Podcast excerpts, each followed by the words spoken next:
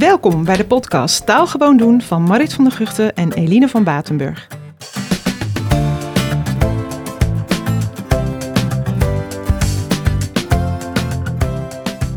In deze podcast gaan we voor jullie op zoek naar frisse en wetenschappelijk onderbouwde lesideeën voor moderne vreemde talen in het voortgezet onderwijs. Beide hebben we een achtergrond als docent in het voortgezet onderwijs. Marit als docent Duits en ik als docent Engels.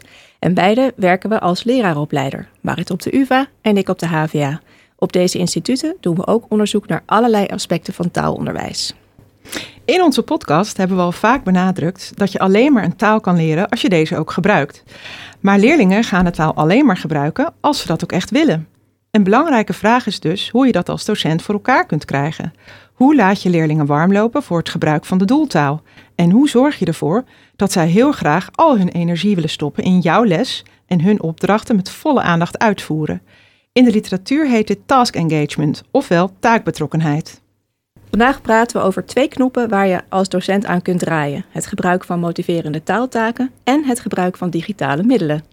We vertellen over een onderzoek dat wij zelf uitvoerden in een 3 VMBO-kaderklas. Docent in opleiding Anne Sanders vertelt samen met haar leerlingen over een prachtige taak die Anne met haar medestudenten Daphne en Joris maakte als onderdeel van hun afstudeeronderzoek. En we praten met Linda Gijzen, die in december bij de Universiteit Utrecht promoveerde op haar onderzoek naar task engagement in de virtuele wereld. Ja, wat verstaan we nou eigenlijk onder taken? Nou, taken zijn allereerst doelgericht, dus het slagen van de missie staat voorop.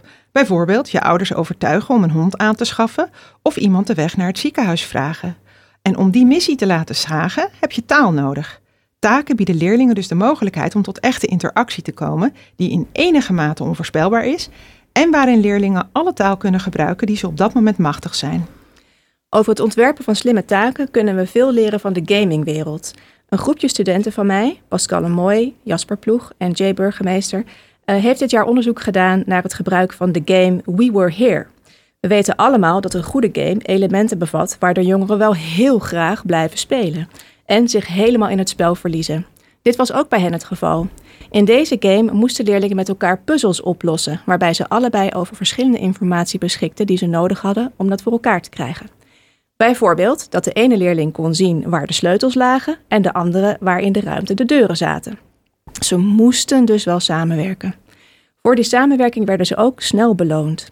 Als ze de puzzel binnen de tijd oplosten, gingen ze naar de volgende uitdaging.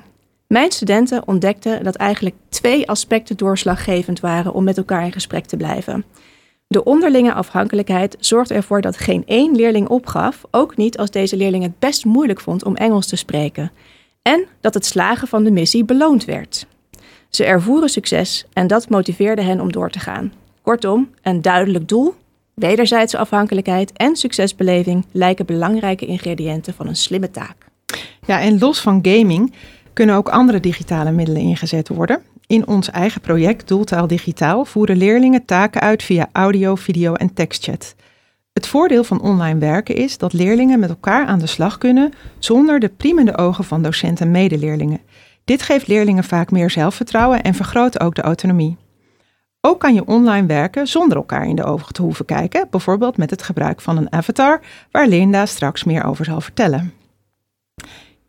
Hierdoor voelen leerlingen zich vaak minder beschaamd en spreken zij vaak vrijer. Nou, Eline, zou jij iets willen vertellen over ons eigen onderzoek naar task engagement?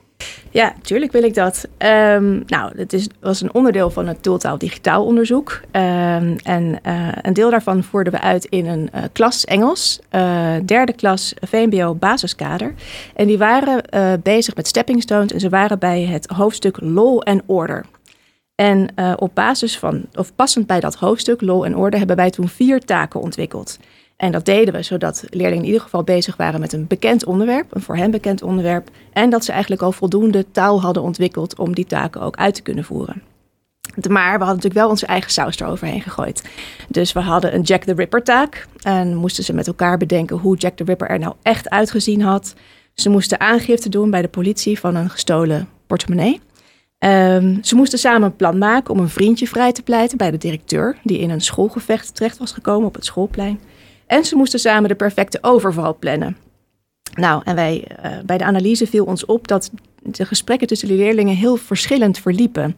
Het ene koppel maakte er een hele show van en het andere koppel nam de kortste route van A naar B, geen poespas. Ehm, bij de ene taak gingen leerlingen maar door en door en door. En bij de andere taak was er amper een teken van leven te bespeuren. En wij wilden graag beter begrijpen uh, hoe dat nou precies zat. En toen zijn we die transcripten van de gesprekken zijn we door de bril van task engagement gaan bekijken. De vragen die we hadden eigenlijk waren er nou bepaalde taken die meer tekenen van leven uitlokten. en maakt het ook uit of je die taken in de audio, video of chat oefenmodus deed. En hoe stelde jij dan bijvoorbeeld vast dat er, zoals jij zelf noemt, tekenen van leven waren? Waar bestonden die tekenen van leven uit? Nou, natuurlijk sowieso dat ze die taak ook echt gingen uitvoeren. Dus het gedrag eigenlijk. Hè. Gingen ze wel in het Engels aan de slag en waren ze ook met de taak aan de slag? Dat is voor veel docenten een uh, wezenlijke vraag. Ze zijn bang dat leerlingen snel iets anders gaan doen. Vonden wij trouwens helemaal niet. De kinderen deden gewoon de taak. Maar goed, dus gedrag was er één. Het andere was, wat gebeurt er eigenlijk zo'n beetje in het hoofd? Deden ze wel hun best om hun boodschap duidelijk te uiten um, en correct zich uit te drukken? Deden ze misschien wel meer dan strikt noodzakelijk? Of gingen ze die taak een beetje naar hun hand zetten? Dus dat was een aspect. Uh, andere was sociale betrokkenheid. Dus hadden ze het leuk met elkaar? Was er sprake van humor of grapjes maken? Uh, of kameraadschap of uh, een beetje aanmoedigen en ondersteunen. En het laatste, een beetje los daarvan, we hebben ook gevraagd aan ze hoe zij die taken en oefenmodus nou eigenlijk hadden ervaren. welke taken vonden ze leuk of nuttig? In welke modus hadden ze zich het prettigst gevoeld? En hoe hadden ze de samenwerking ervaren? En wat kwam daaruit? Nou, eerst over de modus, dat was wel interessant. Eigenlijk uh, de twee modi waar je elkaar niet hoeft aan te kijken, die vonden leerlingen het prettigst. Dus um, uh, het allerliefste deden ze de taken in audio. Gewoon ouderwets bellen. Nou, dat hadden wij niet van tevoren verwacht. Zeker niet. Uh, en de tweede was tekstchat. Uh, daar voelden leerlingen zich over het algemeen het zekerst uh, en het veiligst. Uh, maar tekstchat is natuurlijk ook een langzaam medium.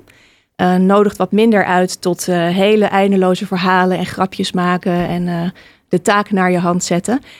dus daar, dat waren vaak wel wat vlakkere gesprekken, eerlijk gezegd. En wat heb je precies ontdekt over die verschillende taaltaken? Want vond je daar verschillen in task engagement? Uh, ja, die vonden wij. Um, het was natuurlijk maar een kleine studie, dus we moeten een beetje oppassen. Maar um, uh, kijk, alle vier die taken waren op dezelfde leest geschroeid. En we hadden, waren uitgegaan van wat is belangrijk bij taakontwerp. Er moet een informatiekloof zitten, er moet een specifiek doel zijn. Nou, zo nog een paar van die dingen. En alle vier die taken die, die voldeden daaraan. En toch zagen we verschillen. Um, de, de taak waar leerlingen aangifte moesten doen van een gestolen of verloren portemonnee, die werd keurig uitgevoerd, maar er was echt helemaal niets aan. er gebeurde echt helemaal niets in die gesprekken. Ja, er werd een, een portemonnee keurig gerapporteerd en wel of niet teruggevonden, maar dat was het eigenlijk ook wel. Maar bijvoorbeeld bij de Jack the Ripper taak zagen we dat leerlingen wel warm liepen als er een soort van onverwachts element in zat. We hadden ze bijvoorbeeld, hè, ze moesten met elkaar bedenken hoe heeft hij er nou echt uitgezien en kregen allebei hun eigen rolkaart. En een van hen kreeg een vrouwelijke Jack the Ripper. Nou, dat was vrij hilarisch, dus dat, dat uh, vonden zij dan. Dus dat, dat lokte heel veel grapjes uit. Uh, uh, en je zag ze echt even zo opveren in die taak. Van hé, hey, hier gebeurt iets ja, onverwachts. Overduidelijk, ja. En het andere was, ja, um, we hadden twee taken gemaakt die eigenlijk een beetje rebels of licht stout waren, zou ik maar zeggen. Waar leerlingen moesten samenspannen tegen de autoriteiten. uh, dus het vrijpleiten van hun vriendje en samen een overval plannen. Was natuurlijk niet heel erg voor de hand liggend. En die deden het echt heel erg goed. Uh, daar zagen we langere gesprekken. Uh, er werden meer elementen genoemd. Het ging eigenlijk maar door en door, ver voorbij de taakdoelen. En toevallig waren dat ook twee planningstaken, waar ze echt met elkaar een plan moesten maken. En het leek er wel alsof, op alsof dat nou juist sociale betrokkenheid uitlokte. Dus daar zag je dat ze elkaar echt gingen ondersteunen en aanmoedigen. Uh, en soms ook een beetje ophitsen, zodat het maar gekker en gekker werd. Ja. Ja, dus nou ja, samengevat eigenlijk wat wij vonden was ja, taken met de bekende onderwerpen. Leerlingen moeten voldoende taalkennis hebben voordat ze aan die taak gaan beginnen om het uit te kunnen voeren.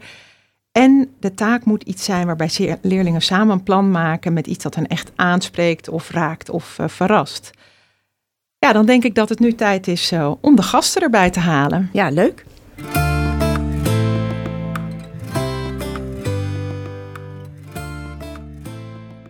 We praten met docentenopleiding Anne Sanders. Anne studeert Engels aan de HVA en werkt samen met twee andere studenten, Daphne Borst en Joris Dijk, onder begeleiding van Eline aan haar ontwerponderzoek. En ook Linda Gijzen schuift aan. Linda begon haar carrière als docent Engels in het voortgezet onderwijs, is lerarenopleiding Engels aan de Fontes Hogeschool in Tilburg en werkt als senioronderzoeker op het gebied van meertaligheid en onderwijs aan de Hogeschool Utrecht. Zij promoveerde in december op een proefschrift over task engagement in de virtuele wereld. Anne, ik begin bij jou. Jij bent bezig met je afstudeeronderzoek en hiervoor moest je een ontwerp maken voor een les die leerlingen ertoe zou verleiden om met elkaar in het Engels te communiceren. Wat leerde jij nou gaandeweg over task engagement en hoe hebben jullie dit terug laten komen in het ontwerp? Nou, waar we achter kwamen wat task engagement betreft, is dat leerlingen het veel leuker vinden om een taak te doen die enigszins stiekem is. Omdat ze dan het idee hebben dat ze iets aan het doen zijn wat niet mag, maar wat dan toch wel mag. Dat is ook wat ik van leerlingen heb teruggehoord, is dat ze dat gedeelte heel erg leuk vonden. Ehm, wat we ook um, achterkwamen wat betreft het mee willen doen, is dat het iets moet zijn wat um, ze ook wel een beetje uitdaagt. Want ehm, zeker de leerlingen die ik, waarmee ik deze taak heb uitgevoerd, um, gaan heel snel achterover zitten als het iets is wat ze te makkelijk vinden. Um, nou, wat we uiteindelijk hebben gedaan is we hebben een taak bedacht. En die hebben we uh, Plan a Prank genoemd. Waarin de leerlingen dus samen een prank moeten gaan bedenken om het schooljaar een beetje op te schudden. Beetje um, zoals een examenstunt Ja, precies. Ja. Inderdaad. En um, hierbij hebben wij uh, ze eerst wat voorbeelden gegeven van leuke pranks die ze zouden kunnen uitvoeren. En daar hebben ze over na laten denken. Waarna ze in de vorm van een tekstchat moesten gaan overleggen om dus zo'n prank te plannen. En um, na het plannen van die prank kregen ze nog een opdracht om de gebruikte taal een beetje te recyclen, waarin ze een e-mail moesten opstellen om een docent om hulp te vragen bij die prank. Um, ja. Heel even voor de luisteraar, want in welke klas heb je deze uitgevoerd? Ik heb deze uitgevoerd in MAVO 2 TTO. En we hebben de les uh, nogmaals uitgevoerd op VWO TTO, ook de tweede klas. Dus dat um, allebei tweede klas, net ander niveau. En um, wat we daar vooral uitmerkten was dat de MAVO-leerlingen een stuk meer ondersteuning nodig hebben wat betreft de taal. Ja. En hoe heb je die ondersteuning geboden? Um, door van tevoren een stuk meer voorbeelden van pranks die ze eventueel zouden kunnen ontwikkelen uh, aan te reiken. Ja. Dus dat was inhoudelijk. En hoe heb je ze talig voorbereid? We hebben van tevoren uh, met de hele klas besproken hoe je een gesprek kan openen en hoe je een gesprek kan eindigen en um, hoe je dat het makkelijkst kan laten verlopen. Al veel, vond de specifieke klas met wie ik deze taak heb uitgevoerd dat al heel makkelijk, omdat ze eigenlijk altijd in de klas al met elkaar zitten te chatten, stiekem. Ja. ja, want het, volgens mij was het idee, uh, je had gekozen, of jullie hadden als groepje gekozen voor uh, chatten. Um, omdat je wilde dat kinderen die meer zelfvertrouwen hebben van nature en wat minder zelfvertrouwen, allemaal ook echt in het Engels aan de slag zouden gaan. En dat was een beetje in aansluiting op wat Marit en ik uh, gevonden hadden in een ander onderzoek, dat dat eigenlijk wel hielp. Was dat bij jullie ook zo? Gingen die kinderen inderdaad allemaal aan de slag? Ja, wat we zagen was inderdaad dat alle leerlingen echt aan de slag gingen. En um, waar ze het Engels even niet wisten, gingen ze of heel even over op Nederlands, of ze probeerden er toch op een of andere manier uit te komen. En wat we zagen was dat de chatten toch wel heel veel. Um, het leverde hele lange gesprekken op. Ze waren echt lang bezig met de taak. En, dus veeltalige um, output? Ja, absoluut. En ze waren soms zelfs net wat langer bezig dan de tijd die we er eigenlijk voor gepland hadden. Um, en wat concludeer je daaruit? Dat of de taak net wat aan de moeilijke kant is en dat we er iets te korte tijd voor hebben ingepland, of dat ze het zo leuk vonden en enthousiast waren dat ze zoveel erover wilden overleggen. Ja, als docent zou ik er wel blij mee zijn, denk ik. Hè? Als kinderen. Als je ze moet af, liever dat je ze moet afremmen dan dat je nog een keer aan die zwengel moet. Uh... Ja, precies. En dat was dus echt niet nodig. Ze bleven aan de gang. En um, achteraf uh, lieten ze ook weten dat ze het echt een leuke opdracht vonden om voor te bereiden. Want we kregen een aantal leerlingen die gewoon echt een, een prank bedachten die ook eventueel wel gedaan zou kunnen worden. En sommige leerlingen gingen helemaal los. Uh, ja, er waren leerlingen en die wilden um, schapen in de docentenkamer. of uh, bekertjes water door heel de school verspreiden. Maar de leerlingen die helemaal los gingen, hadden al een heel plan bedacht om de hele school vol te laten lopen met water en andere gekke dingen. Dus ja, ze waren in ieder geval heel creatief. Dus dat was wel heel leuk om te zien. En wat voor informatie kregen zij mee? Want we hadden het net over, er moet een onderlinge afhankelijkheid zijn hè, om, om ervoor te zorgen dat ze ook echt met elkaar moeten overleggen. Hoe hadden jullie dat gedaan? Nou, de informatie die wij ze hadden gegeven was aan de ene kant een um, schema van de conciërge, waar die zich bevond op wat, wat voor moment tijdens uh, dat de school open is. En de plattegrond van de school en waar ze dan eventueel, waar camera's hangen en waar ze dan uh, weg moeten blijven. Um, dus op die manier was het de bedoeling dat ze daarover zouden overleggen en dus een plank, prank zouden plannen die al die mogelijke moeilijkheden zou vermijden. Ja, dat is wel interessant wat je daar zegt, want je maakt het dus wel iets eh, behoorlijk wat complexer door inderdaad dat soort informatie mee te geven.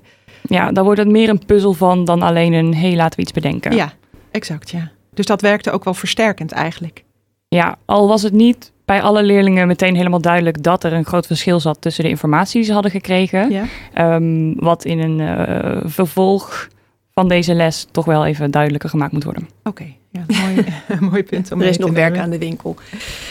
Um, uh, ik heb nog een vraag, Anne. Uh, je zei, uh, jullie hebben hem allebei uitgevoerd, jij en Daphne, bij een TTO-klas, tweetalig onderwijsklas. Zouden er nou hele grote aanpassingen nodig zijn om deze taak uit te voeren in een reguliere les Engels, denk je? Als ik denk aan mijn eigen reguliere MAVO 2-klassen, dan hebben die ontzettend veel meer taalondersteuning nodig. Ja? Ja. Okay. Ik, um, ik denk dat deze taak daar voor de tweede klas MAVO uh, regulier te moeilijk is. Oké, okay, dus dan zouden we hem of moeten versimpelen of meer taalsteun of een beetje van allebei. Ja, inderdaad. Alright. Uh, Anne, je hebt ook een aantal uh, leerlingen geïnterviewd. Nou, hoe, hoe, ze deze les hebben ervaren. Uh, laten we daar nu eens naar gaan luisteren.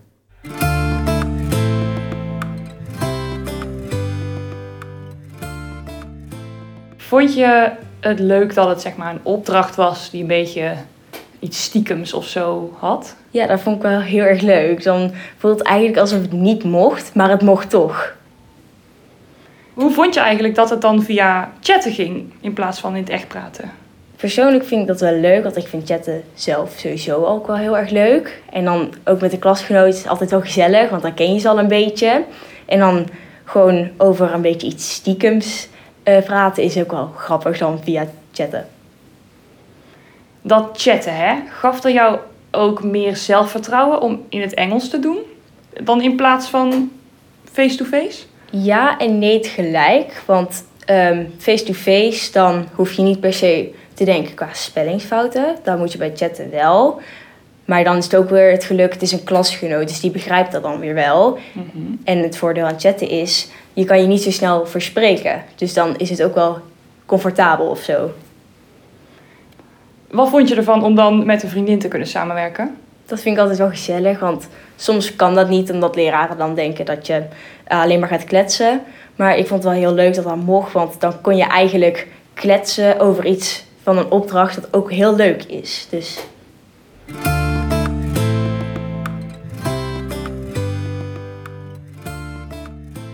Linda, welkom. Um, ja, mijn studenten hebben eigenlijk net als Marit en ik uh, gekeken naar de enthousiasmerende werking van kleine taaltaakjes in de klas. Maar jij pakte het in je promotieonderzoek een stuk groter aan. Uh, zou je kort kunnen schetsen hoe dat onderzoek was opgezet en hoe die taken eruit zagen, wat er eigenlijk gebeurde? Ja, dat doe ik heel graag. Uh, allereerst is het even goed om te vermelden dat ik mijn proefschriftonderzoek heb uitgevoerd in de context van een Erasmus Plus project. Dus de leerlingen die participeerden, die deden mee aan een online interculturele uitwisseling. En het ging specifiek om uh, leerlingen van VWO 5. Uh, waarin dus Nederlandse kinderen, Nederlandse leerlingen samenwerkten met Duitse leerlingen, uh, verbonden aan een Duitse school. En werkten aan Engelse taaltaken. Um, dus dat was al een interessant gegeven, gezien ook die wederzijdse afhankelijkheid die jullie net bespraken. Dat uh, deze leerlingen één ding gemeen hadden en dat was gewoon uh, de voertaal die ze gebruikten. Want de Duitse leerlingen spraken geen Nederlands en de Nederlandse leerlingen spraken in dit geval uh, geen Duits. Mm -hmm. in het project hebben wij gewerkt met drie taaltaken. De eerste was een getting to know each other task. Dus dat draaide erom dat ze elkaar beter leerden kennen, omdat ze voor een aantal taken met elkaar moesten blijven samenwerken. En die werd uitgevoerd in Big Blue Button. En dat is een soort uh, Skype-omgeving of MS Teams-omgeving waar je samenkomt om uh, met elkaar te praten. Je kan er elkaar zien en uh, je hebt als het ware gewoon een synchrone spreekactiviteit daar. Ja, gewoon een videochat eigenlijk. Ja, precies, ja. precies. En ehm, bij de tweede taak, ehm, die vond twee weken later plaats, kwamen ze samen in de virtuele wereld.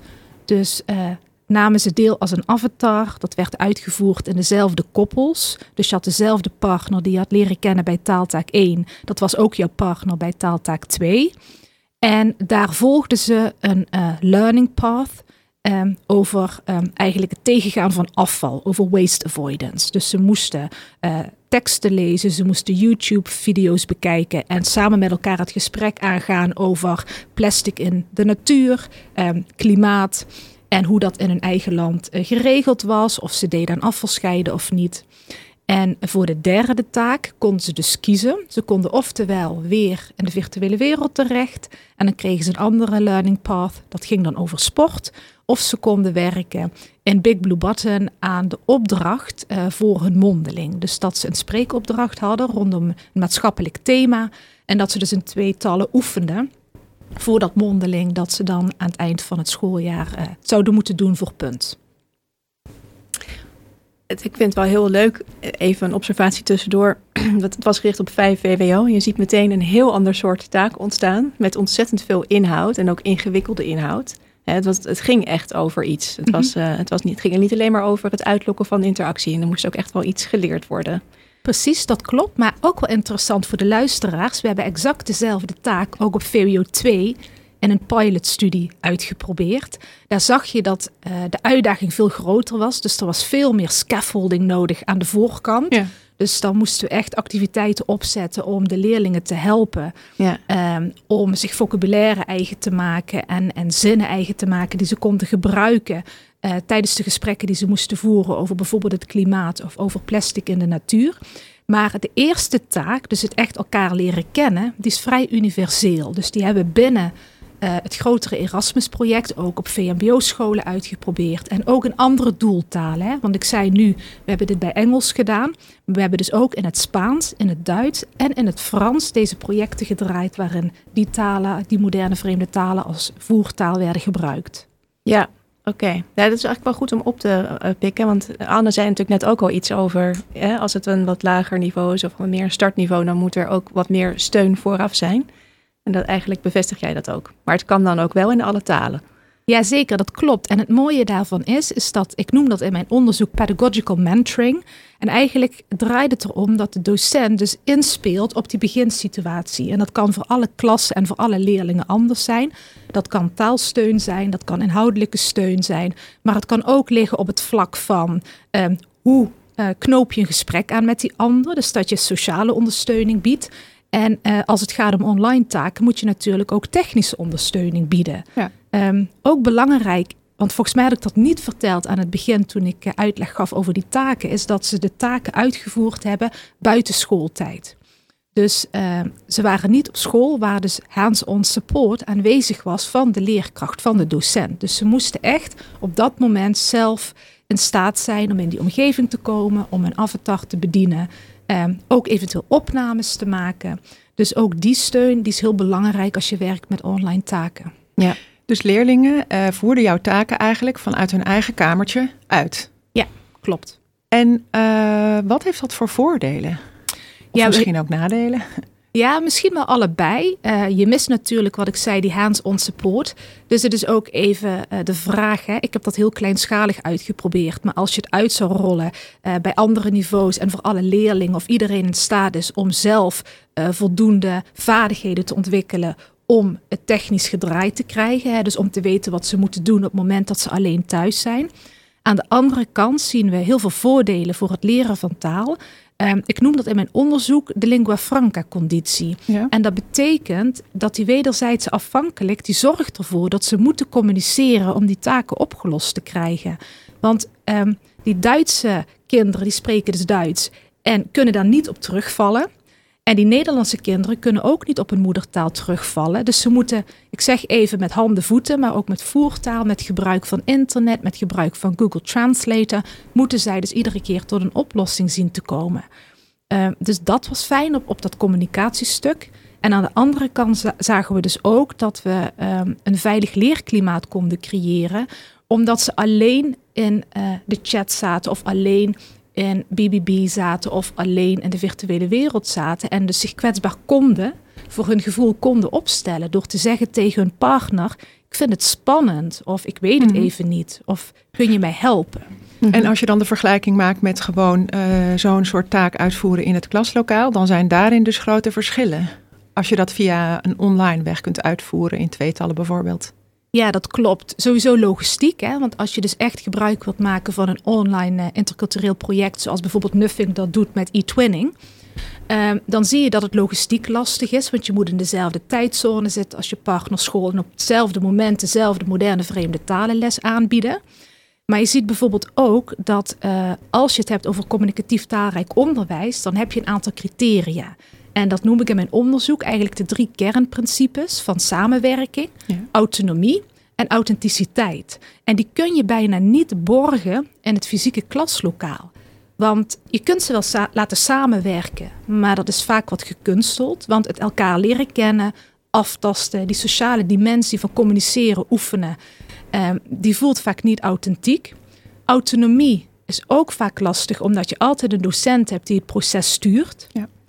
Um, en authenticiteit, je hebt gewoon een doeltaal waar je van af kan wijken, omdat je dus samen een moedertaalmachtig bent. Ja, ja. Nou, het is heel even, maar mhm. wat ik wel interessant vind, is dat wij natuurlijk uh, allemaal, jij, wij met z'n tweeën, maar Linda ook, het project begonnen zijn voor corona. Ja.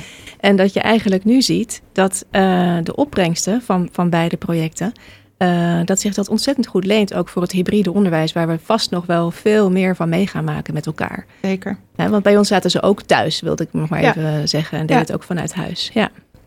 Ja, door vanuit huis te doen vergroot je gewoon de mogelijkheden om die doeltaal te gebruiken. En, uh, en leerlingen voelen zich ook veel zekerder om op die manier met elkaar te communiceren.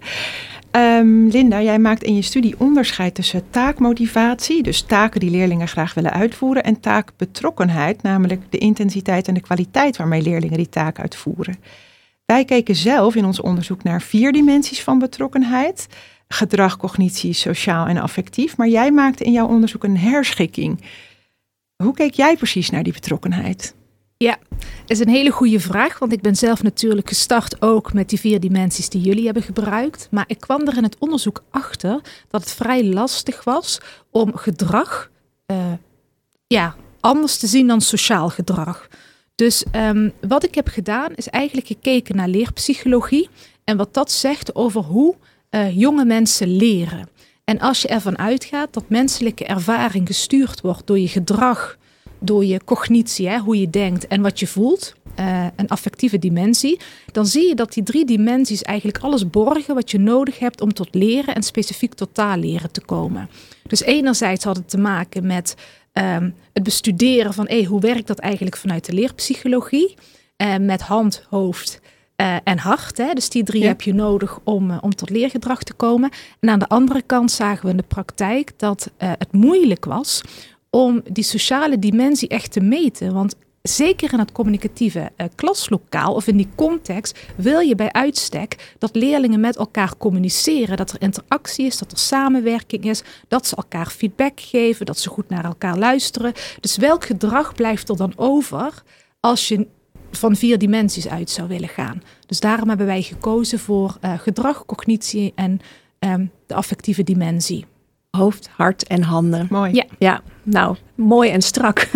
en als je dan met deze bril kijkt naar wat die leerlingen aan het doen waren in, in jullie taken. Um, ja, wat zag je dan? Hoe zag betrokkenheid er dan uit? Ja, ook een hele goede vraag. Want uh, ik heb dus case studies gedaan. En je zag ook dat dat heel verschillend was bij verschillende type leerlingen. Um, ik denk dat een van de belangrijkste eye-openers voor mij als docent was dat um, ik er heel vaak uh, van uitging, vanuit de aanname van hey, als ze actief bezig zijn met bijvoorbeeld een spreekopdracht, dan vindt er engagement plaats en dan leren ze. Maar we hebben dus ook in dit onderzoek gezien dat er ook best wel wat leerlingen zijn die in de stilte leren. Dus die in een kleine groep zitten, een groepsopdracht moeten doen. En die juist van het observeren van die ander en het nemen van meer denktijd En misschien zelfs overpijzen, overpijnzen van wat een ander zegt en daar feedback op geven. Mhm. Ehm, totaal leren komen. Eh, bovendien eh, zagen we ook dat wat je observeert als docent in een klas, dat is dat gedrag, dat stukje behavior. Mhm. Maar dat zegt niet alles over wat er in zo'n leerling gebeurt. Je weet namelijk niet wat ze denken en wat ze voelen. Dus feitelijk wat ze echt van een opdracht vinden. Het kan zelfs zijn dat ze wenselijk gedrag vertonen. Het kan zelfs zijn dat ze heel veel praten, maar feitelijk dat ze het eigenlijk te gemakkelijk vinden. Ehm, dus daarom zijn we ook gaan werken, niet alleen met die pre-tasks om leerlingen goed voor te bereiden op dat stuk wat ook Anne toelichtte zojuist, maar ook gaan werken met die post-tasks eigenlijk evaluatiebladen, reflectiebladen, om erachter te komen van, hé, maar wat dacht je toen je die opdracht aan het maken was en hoe voelde je daarbij? En vond je dat leuk of vond je dat interessant of makkelijk of moeilijk? Of wat zou je een andere keer graag anders willen doen? Om vervolgens die scaffolding activities die bij een vervolgtaak komen, om die weer beter eh, in te richten. En dat was in eerste instantie individueel per koppel, dus per eh, leerlingenpaar. Maar ehm, aan het eind van de studie zagen we daar heel duidelijk patronen in. Dus je zag op een gegeven moment bepaalde activiteiten die taaldocenten kunnen opzetten. Om ervoor te zorgen dat de kinderen meer ja, rendement uit de taak halen. En welke zo- waren dat? Ja. Nou, wat ik al zei, dus het werken in die eh, taakgestuurde cyclus, dus die voorbereidende taken die je dus voor een taak uitvoert. Hè, maak ze bekend met de technologie, maak ze bekend met het thema, eh, maak wordwebs in de klas of mindmaps waarin je dus woorden aanbiedt. Maar praat ook over dingen die mensen belangrijk of fijn vinden in interactie met die ander. Bijvoorbeeld in een gesprek, iemand komt binnen, is ogenschijnlijk heel verkoud. Nou, je kunt als ijsbreker even zeggen van, goh, hè, ben je ziek geweest of heb je je verjaardag gevierd? Ze echt even helpen om eh, een goede verstandhouding met die ander op te bouwen. Maar we zagen dus ook aan die evaluatiekant dat het gewoon heel belangrijk is dat leerlingen continu het nut inzien van wat ze aan het doen zijn. Mhm. ja. En eh, door dat te doen, draai je het proces weer om. Dat je bij de volgende taak kunt zeggen: Oké, maar wat wil je nu leren? Mhm. En Hoe wil je nu verbeteren? Dus welke slag kunnen wij met elkaar slaan? Dat jij de volgende taak wederom als nuttig gaat ervaren. Ja, en dat nuttig. Jij zei helemaal aan het begin ook nog iets van ze konden kiezen tussen verschillende opdrachten. Ze konden namelijk ook kiezen voor een opdracht die heel mooi aansloot bij uiteindelijk hun eindexamenopdracht. Eh, en volgens mij de leerlingen, de, de Duitse leerlingen, ehm, die behaalden een Goethe-certificaat. Of Ja, Ja. klopt. kun je daar iets meer over zeggen? Over die inbedding van dit soort taken binnen het curriculum zelf. Dus niet als extraatje. Ja, dat klopt. Er is best ook veel over geschreven voor de luisteraars die dat interessant vinden. Als ze dus kijken bij eh, literatuur over taakgestuurd werken, dan zie je dus dat eh, taken die ingebed zijn in het curriculum, dat die vaak eh, beter werken dan taken die als los project worden gezien. Ja. En dat heeft eigenlijk weer met de relevantie of dat nut te maken dat de docent als het ware de leerlingen meehelpt om de relevantie van een taak te bepalen. Eh, daarnaast komt dat eh, de leerlingen dan de taak als een soort formatief assessment moment zien voor de summatieve toets die gaat komen. Ja. En in het geval van mijn onderzoek draaide het om een mondeling. Eh, de leerlingen in Nederland eh, die moesten dus een spreekvaardigheidsopdracht doen in tweetallen rondom een maatschappelijk thema. De leerlingen in Duitsland moesten dat ook doen voor een Goethe-examen. En we hebben dus thema's uit de bestaande toets gekozen, zodat ze zich voor konden bereiden op hun, op hun mondeling. Ja, dus eh, taken zijn geweldig. Vooral als ze ook iets te maken hebben met de rest eh, van wat er gebeurt met die leerlingen. Ja, en wij hadden dat eigenlijk ook gedaan, maar andersom. Wij hebben aangesloten bij het thema waar de leerlingen al mee bezig waren in het bestaande boek. Hè, om eh, het even terug te brengen naar eh, de onderbouw, waar vaak toch nog gewerkt wordt met de methode. Ja. Dat kan eigenlijk heel goed. Ehm, Linda, ik las ook nog in jouw proefschrift dat leerlingen die zich op hun gemak voelen, nou die spreken natuurlijk meer, maar die staan ook meer open voor feedback en het corrigeren van hun eigen taal. En dat lijkt me nou goed nieuws voor taaldocenten. Zou jij mij kunnen vertellen, eh, ons kunnen vertellen, waarom dit nou eigenlijk eh, zo werkt? Ja, dat wil ik heel graag doen, want ehm, ik merkte dat die pedagogische lingua franca constellatie die wij dus opzetten, dat hij dus wonderen deed. We hebben heel vaak nog het idee in het moderne vreemde talenonderwijs dat wij moeten kijken naar die native speaker. Dat dat een soort doel is. En Ja. dat we ook vaak met uitwisselingsprojecten of fysieke uitwisselingen naar het eh, land moeten gaan waar de taal gesproken wordt als eerste taal. Maar wij zien dus juist de afgelopen jaren dat constellaties waar dat niet het geval is, dus waar je taalleerders samenbrengt, dat het meteen een soort band creëert tussen de deelnemers. Want ze zijn beide leerders, mogen beid- beide fouten maken. En hikken niet aan tegen dat bijna onbereikbare C1, C2 doel van ik moet neer native klinken of ik Ja. moet taalcorrect zijn. Ja. Dus dat was een hele belangrijke factor Ja. in het hele verhaal. Ehm, en dat droeg bij in het creëren van het veilige leerklimaat. En wat ik straks ook zei, het feit dat er even geen docent was om Ja. ehm, te luisteren, mee te luisteren, misschien onbedoeld corrective feedback te geven, waar lang niet iedereen op zit te wachten. Dat was echt wel heel belangrijk eh, in het project. Ja, dus daardoor voelen ze zich ook zekerder. En eigenlijk toch ook weer dat die priemende ogen van de docent daar niet op zitten. Ehm, jij werkte ook eh, in je onderzoek met de avatar. Ehm, wat is de bijdrage daarvan in de online communicatie? Ik had begrepen dat dat niet bij iedereen even goed viel. Bij sommigen wel en bij sommigen niet. Heb ik dat goed Ja, het onthouden? was een beetje 50-50. En dat maakt het heel interessant, ook voor vervolgonderzoek. Want mensen die dus heel graag met virtuele werelden werken, die zien vaak de voordelen. Ik heb ook een aantal nadelen gezien. Namelijk dat sommige leerlingen die vrij sterk zijn al in het communiceren met die ander. eh, aangeven van, goh, ik wil dat oogcontact kunnen maken. Het voelt voor mij niet echt of niet authentiek. En ik vond het niet heel prettig om als een poppetje in de omgeving rond te lopen. Eh, toen we dat gingen ontleden, kwamen we erachter dat zij eigenlijk best wel al een groot eh, communicatief taalkundig repertoire hadden. Ja, Eh, dus dat gesprek ook in een echte setting waarschijnlijk heel goed met een buitenlandse partner hadden kunnen voeren. De wat stillere leerlingen die van tevoren aangaven van ik spreek niet heel graag. Of de leerlingen die aangaven van nou ik heb al wat spreekangst. Of de wat minder sterke leerlingen. En dan heb ik het even over eh, de leerlingen die wat meer moeite hebben om eh, in een tweede taal te spreken. Die vonden het juist fijn om als avatar in de omgeving rond te lopen. En eh, die gaven aan, wat jij ook noemde straks, Eline, dat dat feit dat ze geen oogcontact hoefden te maken, maar zich puur konden focussen op die taak, dat vonden ze fijn. En ze vonden het ook fijn dat er een soort eh, stille ruimte was. Dus ze konden zich eigenlijk een beetje verstoppen achter een alter ego, eh, een woordenboek raadplegen, misschien wat opschrijven, wat denktijd nemen, die ze voor hun gevoel niet zouden hebben in een, eh, in een situatie waarin die ander hen kon zien. Mhm. ja, Dus je zou hier wel mooi in kunnen differentiëren. Dat leerlingen ook zelf aangeven wat ze prettig vinden. En welke omgeving ze kiezen. Exact. Want een ander eh, punt wat dus ook naar voren kwam, als je dus een avatar bent, dan ben je per definitie dus actief. Hè? Learning by doing, want je loopt rond, je springt, je danst, je wijst dingen aan.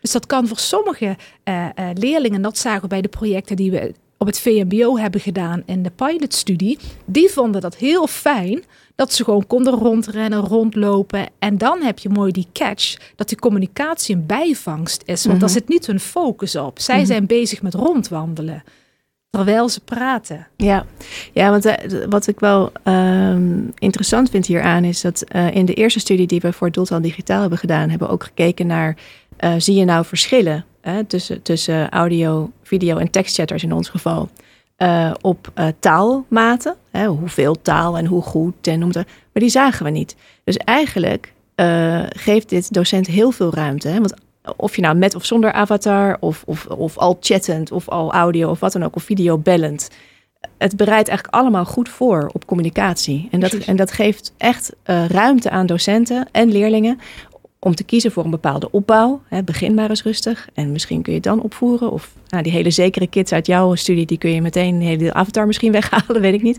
Eh, maar dat is wel een belangrijke eh, bevinding, vind ik zelf, Ja, voor docenten. Vind ik ook. En eh, de partnerkeuze, daar hebben we nog niet helemaal over gehad, maar die Nee, is ook wel ja. heel erg belangrijk in deze. In ons onderzoek hebben we de leerlingen ja, eigenlijk gekoppeld, waren friend koppels, dus ze mochten kiezen met wie kan ik goed werken. Ehm, en dat gaf leerlingen een enorme zekerheid. En ehm, bijvoorbeeld van het niet zo erg vinden om een fout te maken. Eh, je kent elkaar al. Ehm, Ja, dat zei de leerling van Anne trouwens ook. En die bevestigde dat ook. En hoe zat dat bij jou? Want je, volgens mij heb je ook gekeken naar die koppels, toch? Of ze... Nee, we hebben niet uh, expliciet van tevoren nagedacht hoe we ze gingen koppelen. Dus het was jonge-jongen, meisje-meisje, jonge meisje, ook andere proficiency. Um, en we zagen ook, en dat vond ik een hele mooie, dat um, juist dat sociale aspect, uh, waar dat goed liep, hè, dus de social engagement, als je die apart zou trekken van de rest, kinderen of leerlingen die sterk zijn in het elkaar op hun gemak stellen, een goede openingszin, elkaar helpen, aandachtig naar die anderen luisteren. Dus die eigenlijk, dat noemen ze rapport building. Als je daar sterk in bent, dan verliep die samenwerking eigenlijk ook wel soepel. Mm -hmm. Ja, en had het volgens mij in jouw onderzoek ook een positief effect op de andere maten? Ja, dat klopt. Dat noemde je pan orientation. En um, eigenlijk is het zo dat, uh, en ik ben niet de enige die dat zegt, hè, voor mij hebben veel uh, anderen dat uitgezocht, dat wij vanaf 2000, 2003, 2005 zien dat er meer aandacht moet gaan naar social engagement in mm -hmm. de zin van, er zit een dimensie op taal, sociale interactie, die we vaak vergeten aandacht te geven in het klaslokaal. Daar zijn we heel erg op dat functionele gericht. Ja. Maar juist, hoe bouw je een relatie op? Um, hoe bouw je die uit? Um, hoe ben je een goede gesprekspartner voor die ander? Dat is gewoon heel belangrijk. In deze samenleving, die eigenlijk heel erg aan het veranderen is. En waar dat gewoon super belangrijk is dat je oog hebt voor die ander. Dat we dat gewoon oefenen. Ja.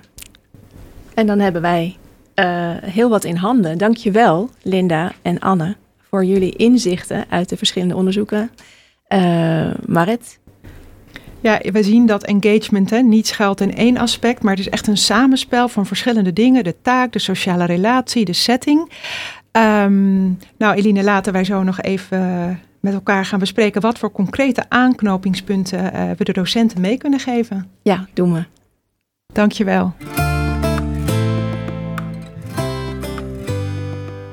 Nou, Marit, wat hebben we een hoop gehoord. Um, en ja, welke aanknopingspunten kunnen we de docenten nou toch meegeven? Nou, allereerst op taakniveau. We hebben gehoord, een taak die is bij voorkeur leuk, waarmee we bedoelen verrassend, of interessant, of rebels, of zoiets. Of een taak is nuttig, waarmee we bedoelen uitdagend of relevant en ook passend bij, bij het curriculum, hè, bij het programma dat de leerlingen zelf volgen bij voorkeur rondom een bekend onderwerp, waardoor ze eigenlijk al genoeg talige bagage hebben. Um, en we hoorden eigenlijk ook, we hebben allemaal gepraat over het belang van de pre-task. Um, um, het belang van taalsteun, met name op de wat lagere niveaus, op, op, op de startniveaus. Uh, en ook dat dat een mooi moment is om met, met je leerlingen in, in gesprek te gaan over wat hebben ze eigenlijk nodig, wat zijn hun persoonlijke doelen, wat voor steun hebben ze van ons nodig. En over ja, taken in het algemeen, waar leerlingen maar van blijven gaan en gaan en gaan. Nou, dan kunnen we ook nog wel veel leren van de gamingwereld. Hè, de onderlinge afhankelijkheid en natuurlijk ook uh, de beloning als het goed gaat. Ja, en als we dan kijken naar het digitale aspect. Ja, we zien dat digitale interactie gewoon uh, de communicatietijd enorm vergroot. Dus leerlingen gebruiken die doeltaak ook veel meer. Het vergroot ook de autonomie, met name wanneer ze dit bijvoorbeeld vanuit huis doen. Um, ja, en welke communicatiemodus je dan gebruikt, audio, video, geschreven chat, uh, het gebruik van een avatar, dat is heel sterk afhankelijk van uh, de voorkeur van de leerling. Uh, maar we weten wel dat het allemaal een goede voorbereiding is op face-to-face -face gesprekken. Ja, precies. Dus je kunt als docent daar enorm veel variatie aanbrengen en keuzes geven. Dat ja. is hartstikke fijn. Dan nog het laatste partnerkeuze. Daar hebben we het echt iets minder over gehad dan dat wij het misschien vooraf hadden bedacht. het maakt uit met wie leerlingen werken. Hè, dat uh, als ze zich prettig voelen bij hun partner, dan gaat het ook beter. En Linda benadrukt ook heel duidelijk en je, dat je ze ook kunt leren hoe ze dat kunnen doen. Um, en met openingszinnen meegeven en een ijs, ijsbreker en, en, noem het allemaal maar op. Dus die drie dingen zijn eigenlijk ontzettend belangrijk. Taak, ja. digitaal en de partnerkeuze. Nou, wil je dit alles nog eens rustig nalezen? Kijk dan op uh, onze website www.taalgewoondoen.nl. Hier vind je ook het proefschrift van Linda. Uh, ons artikel uh, dat zal gaan verschijnen in Levende Talen tijdschrift. En ook vind je op de site de taken die we vandaag bespraken. Uh, The Perfect Robbery, Plan a Prank en een link naar de gratis online game We Were Here. Ja, dan gaan we afsluiten. Volgende keer praten we met Elke Peters over het aanleren van woordenschat in een vreemde taal. En natuurlijk kijken we ook daarbij weer naar de digitale omgeving. Dankjewel voor Dankjewel. het luisteren. Dag. Tot de volgende keer.